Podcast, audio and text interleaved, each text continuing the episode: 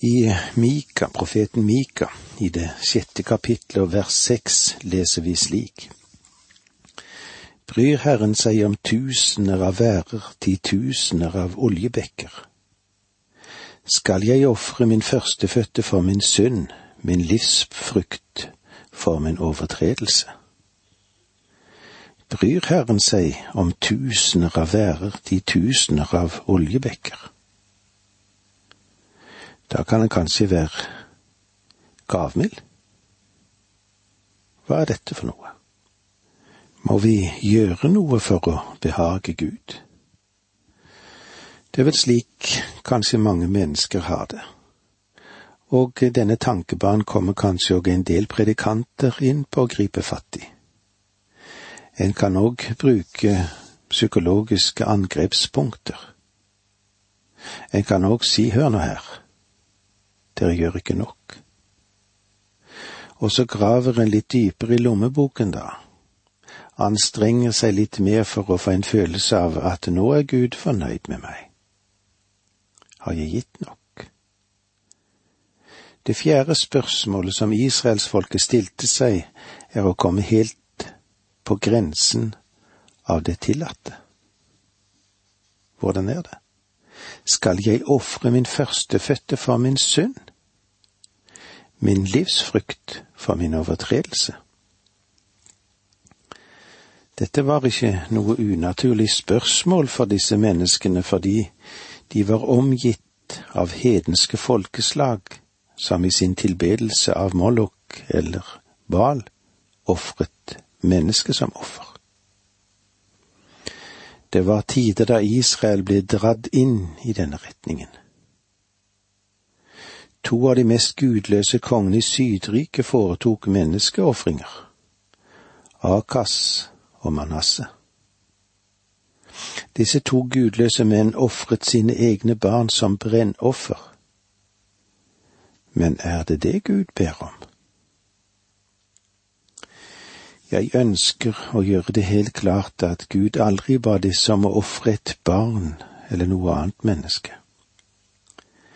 Det Gud krevde var at de ga ham den førstefødte av hannkjønn av alt som ble født hos dem, enten det var nå ei ku, en sau eller okse eller deres sønn.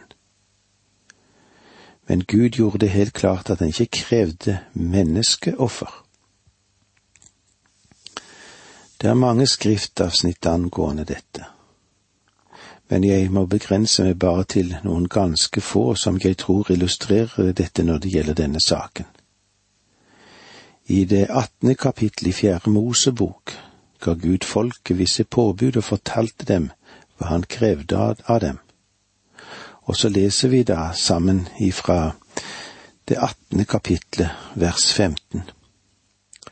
Alt som kommer først fra mors liv, alle levende skapninger som de bærer frem for Herren, både mennesker og dyr, skal tilhøre deg. Men du skal la dem løse ut de førstefødte av mennesker, og likeså av urene dyr. Gud krevde det førstefødte, ser du. Gud krevde at det førstefødte guttebarn skulle tilhøre ham. Men forløsningens sum i sølv kunne være betaling for den førstefødte. Med andre ord ville Gud ikke akseptere et menneskeoffer, og han ville heller ikke akseptere offer fra et urent dyr. Synes du det er interessant, dette? Jeg synes det er veldig interessant. La oss gjenta dette verset alt som kommer først fra mors liv, alle levende skapninger som de bærer frem for Herren, både mennesker og dyr, skal tilhøre deg. Men du skal la dem løse ut de førstefødte av mennesker og likeså av urene dyr. Mennesket er uren. I Det gamle testamentet så sa Gud, dere skal forløse barnet, dere skal løse ut gjennom betaling. Jeg vil ikke ta ham nå. Hvorfor? Han er som det urene dyr. Han er uren.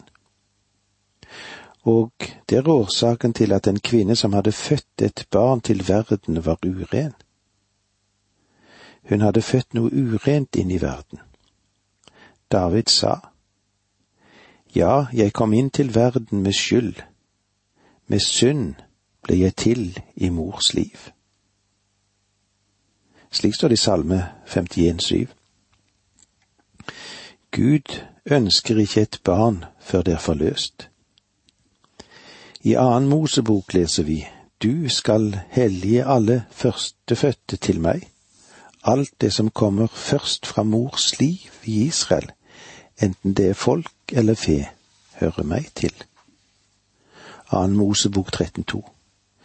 Men så i tredje Mosebok leser vi Du skal ikke ofre noen av dine barn til Molok. Du skal ikke vanhelle din Guds navn. Jeg er Herren.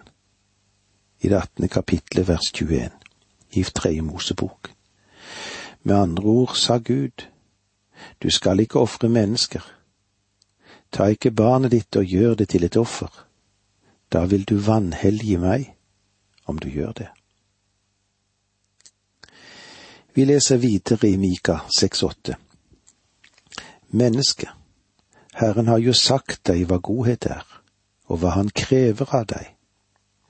At du skal gjøre det som er rett, vise trofast kjærlighet og vandre ydmykt med din Gud.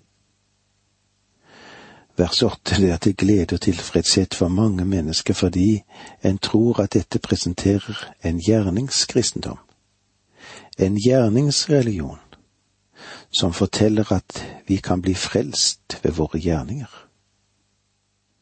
Det Mika gjør her, er å svare på spørsmålet fra mange ærlige mennesker i Nordriket, Israel, som var i mørket, som var blitt undervist i Guds ord. De ønsket å vite hvordan de kunne bli stående for Gud. De ønsket å vite om de skulle bringe brennofferet, om de skulle bringe mange offer, og om de til og med burde ofre et av sine egne barn som det største offer. Mika, han besvarer alle disse spørsmålene. Intet av dette krever Gud. Ytre religion uten en indre erfaring, uten realitet på innsiden, er absolutt uten verdi. Det må bli en gjenfødelse. En ny natur må bli gitt den enkelte. Utvendighet er ikke viktig i det hele tatt. Gud begynner aldri der. Om du ønsker å vite hva Gud gleder seg over, hva Han krever av mennesket, så vil dette verset fortelle deg det. Og jeg vil at vi skal se på dette både med omtanke, og at vi skal granske hver detalj. Og gjør vi det, så vil vi klart se at vi ikke blir frelst ved gjerninger. Menneske, Herren har jo sagt deg hva godhet er. Vi legger først og fremst merke til at dette har adresse til det mennesket. Dette betyr ikke at det var utelukkende Israel dette gjaldt, israelsfolket eller mennesket Israel, men også i Norge. Ikke bare personer i det syvende århundre før Kristus, men også i det århundre som vi lever i etter Kristus. Dette dreier seg om menneskeslekten, det. Det er tre ting Gud krever. Du skal gjøre det som er rett. Det betyr at du må ha en rettferdighet du kan legge frem for Gud. Du må være et rettferdig menneske. Du skal være rettferdig i ditt forhold til andre mennesker. Du skal være ærlig og sann. Det andre, du skal vise trofast kjærlighet. Du skal ikke bare elske Guds barmhjertighet, men du skal også være barmhjertig i ditt forhold til andre. Og det tredje, du skal vandre ydmykt med din Gud. La disse tankene være i ditt hjerte og sinn til vi møtes igjen neste gang.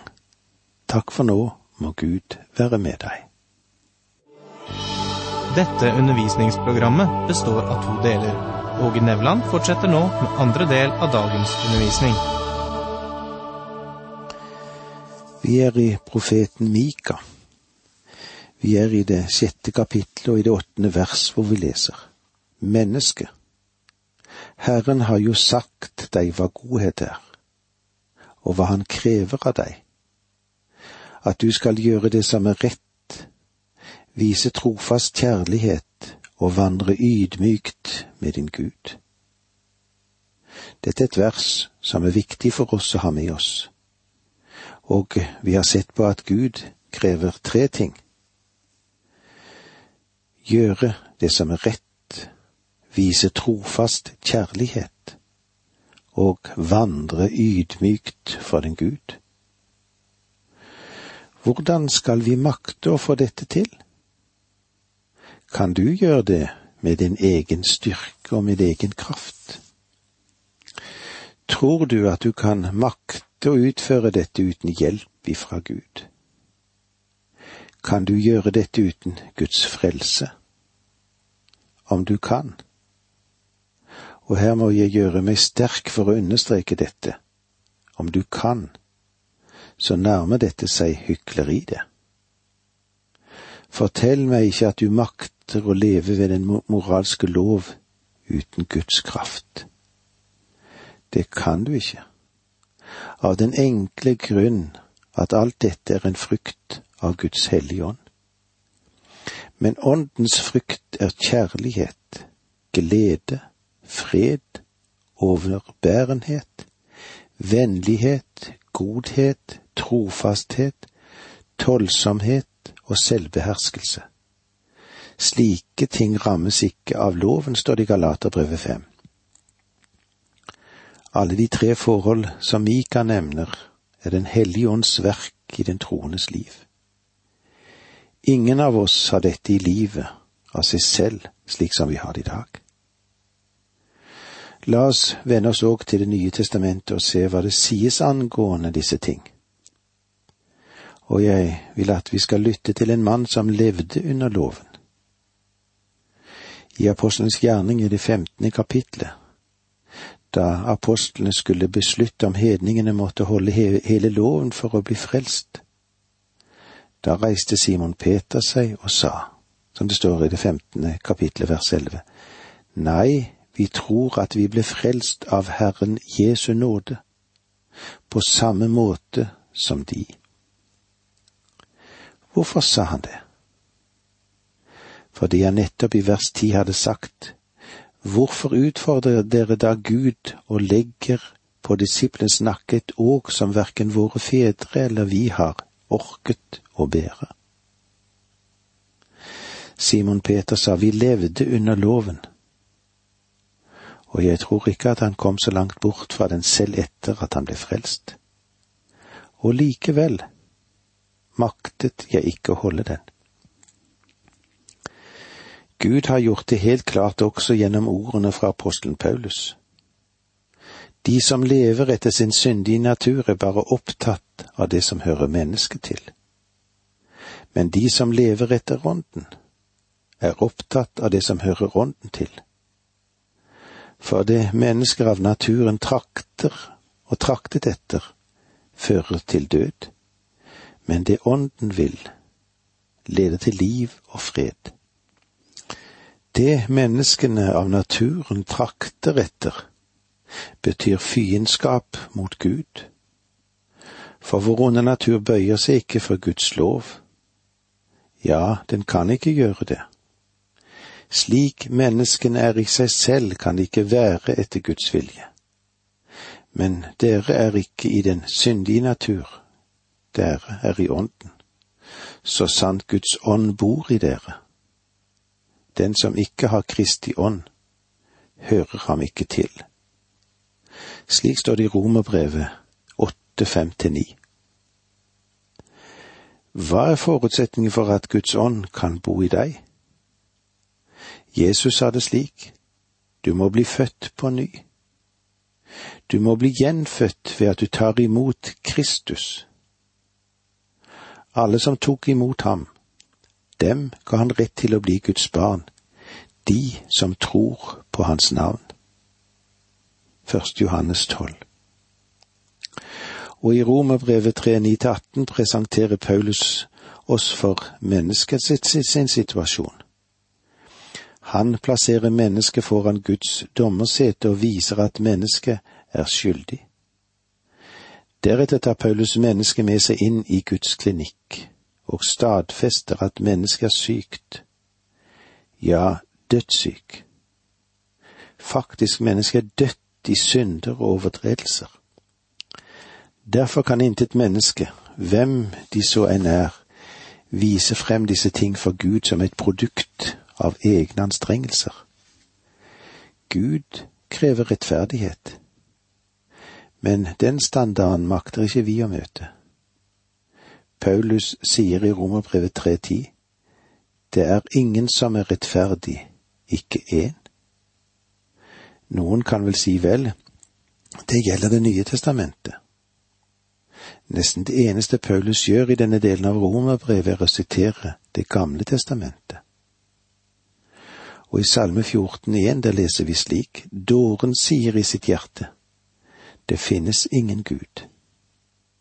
Deres gjerninger er onde og avskyelige. Det er ikke én som gjør det gode.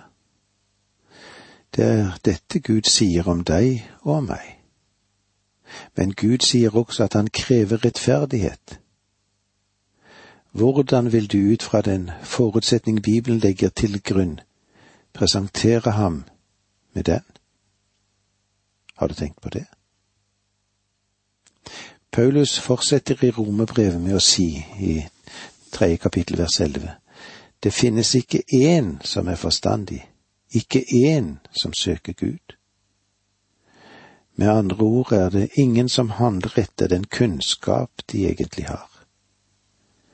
Lever du, om du ikke er en kristen, opp til dine egne idealer? Hvordan er det? Har du nådd de mål som du har satt deg? Er du kommet til den plattformen i livet der du er tilfreds med ditt eget liv? Får jeg si til oss alle at ingen av oss lever opp til den kunnskapen som vi har. Det er ikke én som søker Gud. Og vi møter dette igjen i Det gamle testamentet i Salme 14, versene to og tre. Herren skuer fra himmelen ned på menneskene han vil se om det finnes noen forstandige, noen som søker Gud. Alle er kommet på avveier, alle er fordervet. Det finnes ikke én som gjør det gode, ikke en eneste. Jeg kunne sitere mange slike avsnitt fra Det gamle testamentet som vender tilbake til dette om igjen og om igjen. Gud krever rettferdighet. Men Det gamle testamentet gjør det helt klart at vi har ingen rettferdighet å presentere for Gud, fordi vi ikke har noen. Siden Gud krever rettferdighet, så må det bli en forandring i livet vårt, for det finnes ingen som er rettferdig. Det sies at Jesus ble overgitt til døden for våre synder og oppreist for at vi skulle bli rettferdige for Gud slik det står i Romerbrevet 4.25. Den Herre Jesus ble altså oppreist for vår rettferdighets skyld, for at vi skulle ha rettferdighet, for at Gud ved Ånden skulle skape denne rettferdighet i våre liv. Mika sier videre at vi skal vise trofast kjærlighet. Det finnes ikke i menneskehjertet. Paulus sier alle er kommet på avveier, alle er fordervet.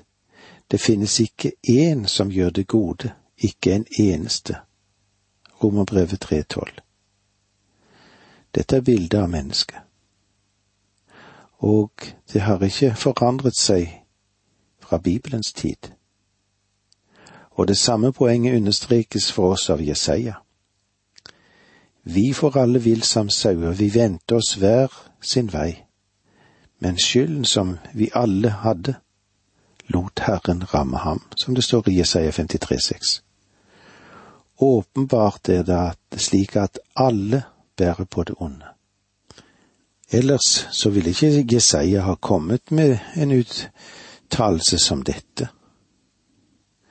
Derfor, la oss ikke være for raske til å ta disse ordene fra Mika, der han sier at vi skal vandre ydmykt med Gud. Ingen av oss søker Gud. I stedet vil vi komme til ham på vår måte. Jeg ønsker å si dette i all mulig mildhet og kjærlighet, men jeg aner at det er kanskje noen som blir støtt av dette i dag. Du er sikkert klar over at et medlemskap i noen som helst sammenheng ikke kan frelse deg. Den eneste måten som du kan nå frem til himmelen på, er gjennom det verk som Jesus har gjort for oss, da han stadfestet sin fullkomne frelse. Han sa det er fullbrakt, og det fullbrakte verk, det gjelder både for deg og for meg. Og med disse ordene sier vi takk for nå, må Gud være med deg.